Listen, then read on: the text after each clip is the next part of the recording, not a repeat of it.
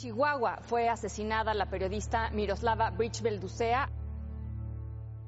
En México fue asesinado otro periodista. Los feminicidios en el país siguen ocurriendo. Se confirmó la muerte de la periodista María Elena Ferral. Que México se encuentra entre los países donde es más peligroso ejercer el periodismo.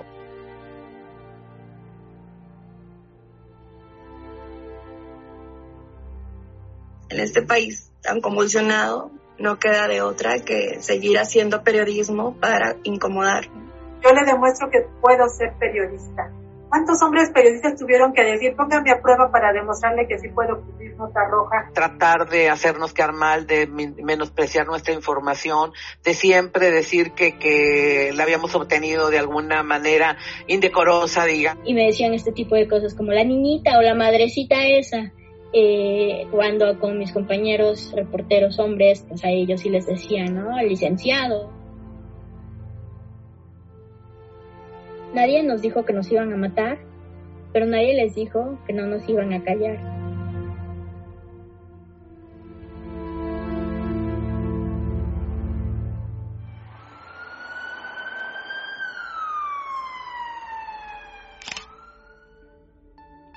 México es uno de los países más peligrosos para ejercer el periodismo. 131 periodistas han sido asesinadas y asesinados desde el 2000. Algunas son Regina Martínez, Rubén Espinosa, Javier Valdés, Miroslava Brich y Norma Sarabia. Artículo 19 documentó 56 agresiones a mujeres periodistas en 2019. 10 de estas tienen un componente de género. Ciudad de México, Baja California y Veracruz son los estados más peligrosos. Dentro de este contexto, las mujeres periodistas se enfrentan a un doble desafío. En primer lugar, un país con un alto nivel de hostilidad hacia su gremio y en segundo lugar, su condición y situación de género en un país feminicida.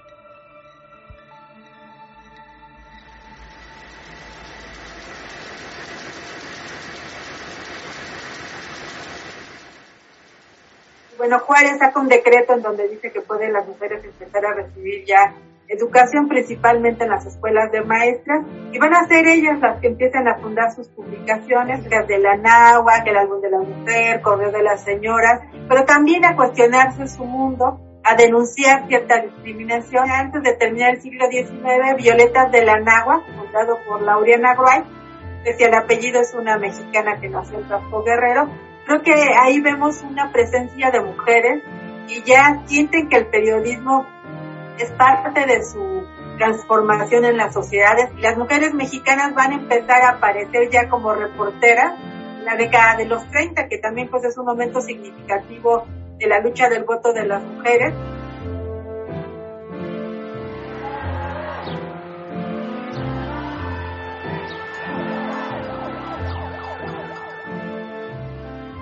Dudan eh, algunos compañeros de, de las capacidades, infantilizan, ¿no? El creyendo que eh, basándose en la poca experiencia que tengo, porque no, sí empezaron a surgir como ciertas preguntas de incómodas, honestamente, quedan de ¿y por qué tú estás aquí? ¿Y por qué te contrataron a ti? ¿Y que no estás muy chiquita para estar aquí?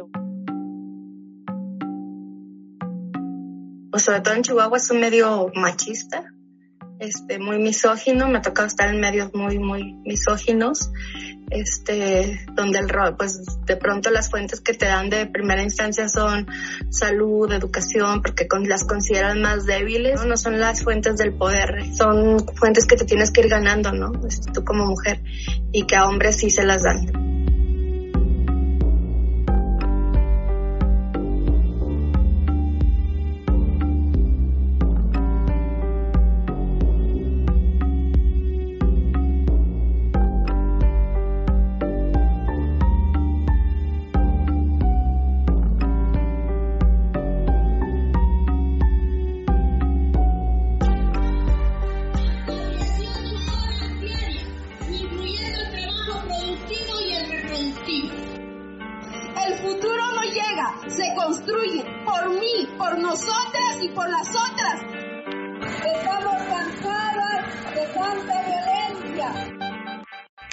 ¿Cuántos siglos, cuántos años pasamos sedientas? ¿Cuántos muros destruiremos para la revuelta? ¿Cuándo podré relatarte cuando estoy contenta? Pero hoy me encuentro con mi rabia y estoy bien alerta de todo lo que pueda pasar a mi alrededor. Las niñas son quemadas en Virgen de la Asunción, deserción, desolación.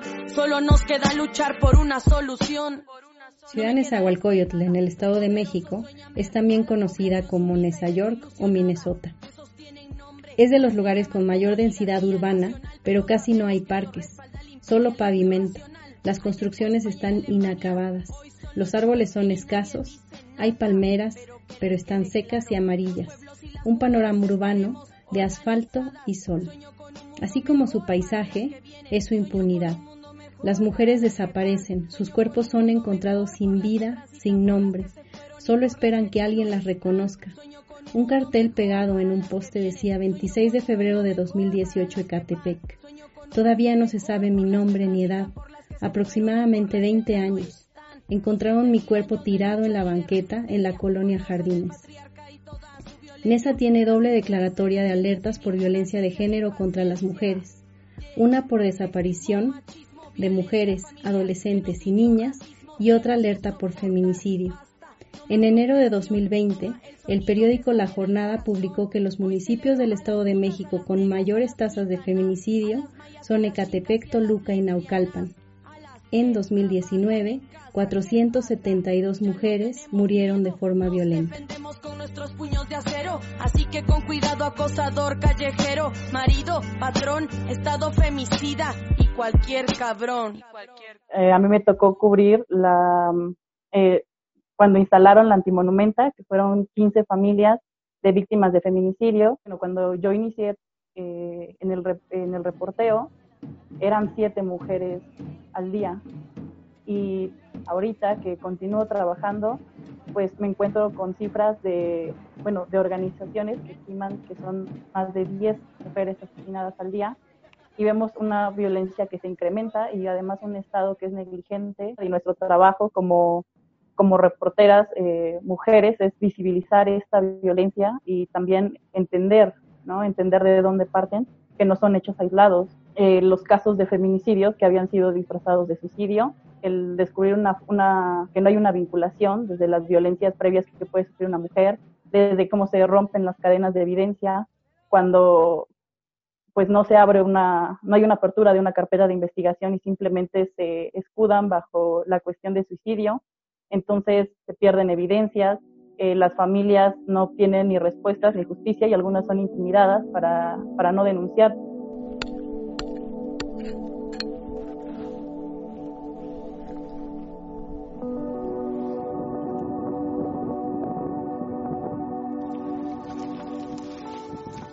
es un tanto frustrante, pero tienes que seguir, tienes que dar cuenta de lo que está pasando. Si ves a las mamás que de pronto, claro, súper dobladas y, es muy duro, pero después las ves empoderarse y luchar. Pues aquí encontramos tres vértebras. Al parecer son pues un 90% humanas. Son sutiles no, no son como que te pongan una pistola enfrente o que te llamen y te digan, tía, te vamos a matar, o sea, no, son sutiles, pero son amenazas. Hubo alguna cuestión de homicidios y aparentemente estaba relacionado los militares. Me, tocó hacer esa cobertura. Recuerdo que llegaron a, la oficina donde trabajaba y se bajaron eh, soldados del ejército con una charola plateada, llegaron con un sobre, tenía mi nombre y entonces era dirigido a mí para, para tener una reunión en el cuartel militar, una mesa en círculo donde me reciben, no recuerdo cuántos eran, entre seis y, a lo mejor diez militares, todos con sus trajes, sus condecoraciones. Me presenta, me habla, eh, eh, usted es la niña que se ha estado portando mal, una niña, ¿no? Como si estuviera castigada, tuviera que escuchar a mis papás y a mis tíos eh, reprenderme de algo, ¿no? Y mira, nosotros no somos, no somos como malos. por ejemplo, si yo quisiera desaparecerla a usted, yo podría hacerlo y nadie se entera. ¿No cree?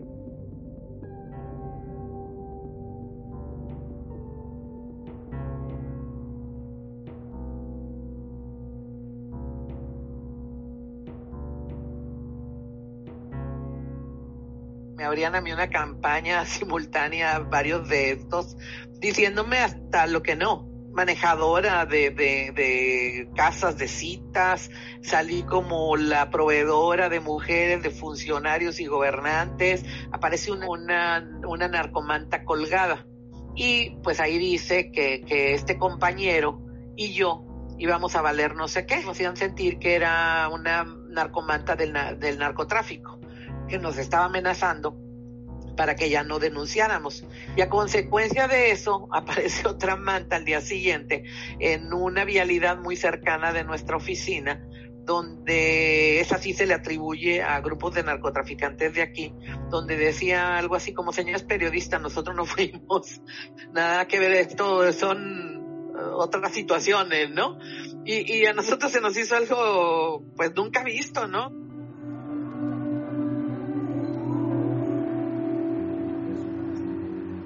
Que las difamen y las relacionan como amantes de algún diputado, ¿no? O sea, es como mucho el, el, el usar tu, tu imagen, tu cuerpo como para desprestigiarte, ¿no?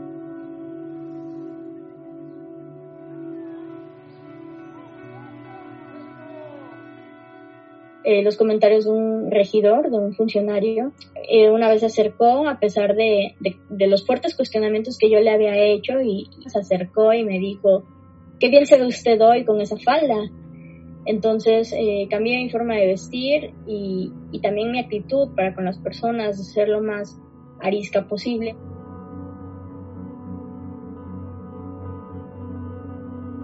Cubriendo estas mismas fuentes policíacas, pues sí me tenía que relacionar con policías, a veces me daban su número, y yo los tomaba pues como eso, como fuentes.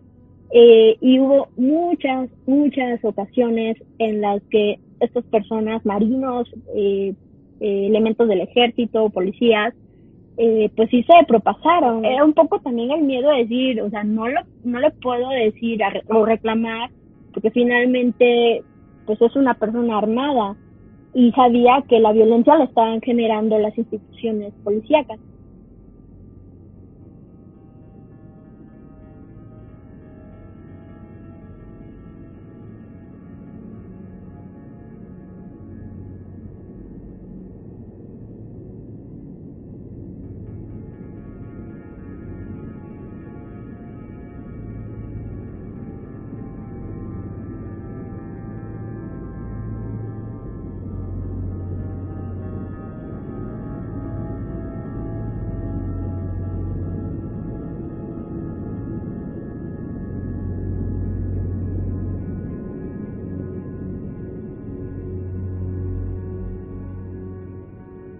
No solamente es, es atacar eh, tu capacidad como profesionista, sino utilizar la vida privada de las mujeres periodistas para eh, arrebatar esa credibilidad en la sociedad. Yo en este recorrido que he hecho en la historia del periodismo de mujeres, nunca, nunca encontré que las mataran por ser periodistas, ni en la Revolución Mexicana, en donde la amenaza no va no solamente con nuestro trabajo, sino hacia nuestros cuerpos. Cuando lancé estas notas, eh, en las redes sociales del periódico, en perfiles falsos, empezaran a subir comentarios diciendo como vieja pendeja.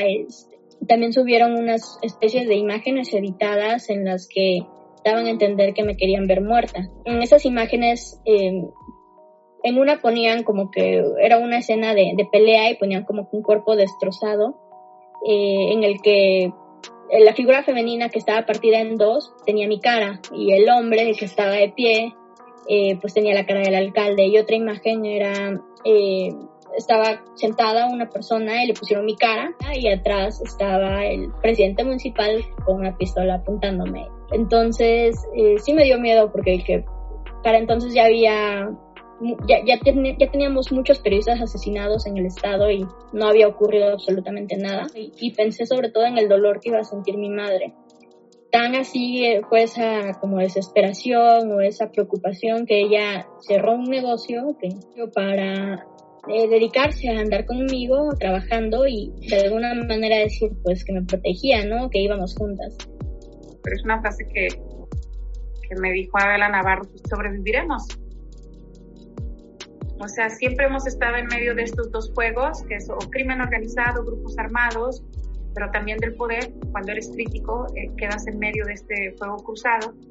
Y si en otros gobiernos sobrevivimos a este y este nuevo ambiente de plataformas digitales y de violencia también contra mujeres periodistas, sobreviviremos también. Hoy celebro a las putas, a las negras, a las gitanas, a las mayas, a las chincas y a las lesbianas, a las que trabajan en casa. ¿Qué pasa? Ya no tenemos miedo, nos defendemos con nuestros puños de acero. Así que con cuidado, acosador callejero, marido, patrón, estado femicida cualquier cabrón. Sueño con un mundo mejor para las que vienen. Sueño con un mundo mejor para las que van. Sueño con un mundo mejor por las que transitan, por las que se fueron y por las que ya no están. Sueño con un mundo mejor para las que vienen. Sueño con un mundo mejor para las que van. Sueño con un mundo mejor por las que transitan, por las que se fueron y por las que ya no están.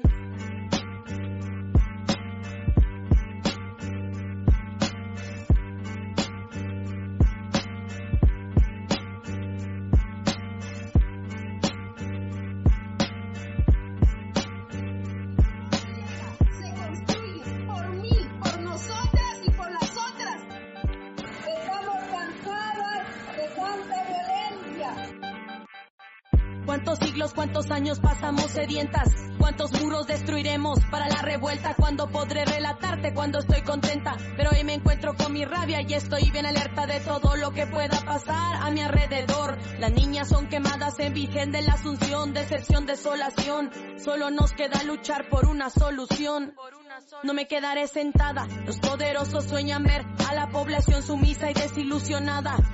Tienen nombre, se hacen llamar como oligarquía nacional, pero sabemos que lo respalda el imperialismo irracional. Ayer fue España y Alemania, hoy son los USA y nadie dice nada pero que les quede claro, los pueblos y las mujeres estaremos organizadas. Sueño con un mundo mejor para las que vienen, sueño con un mundo mejor para las que van, sueño con un mundo mejor por las que transitan, por las que se fueron y por las que ya no están. Sueño con un mundo mejor para las que vienen, sueño con un mundo mejor para las que van, sueño con un mundo mejor por las que transitan, por las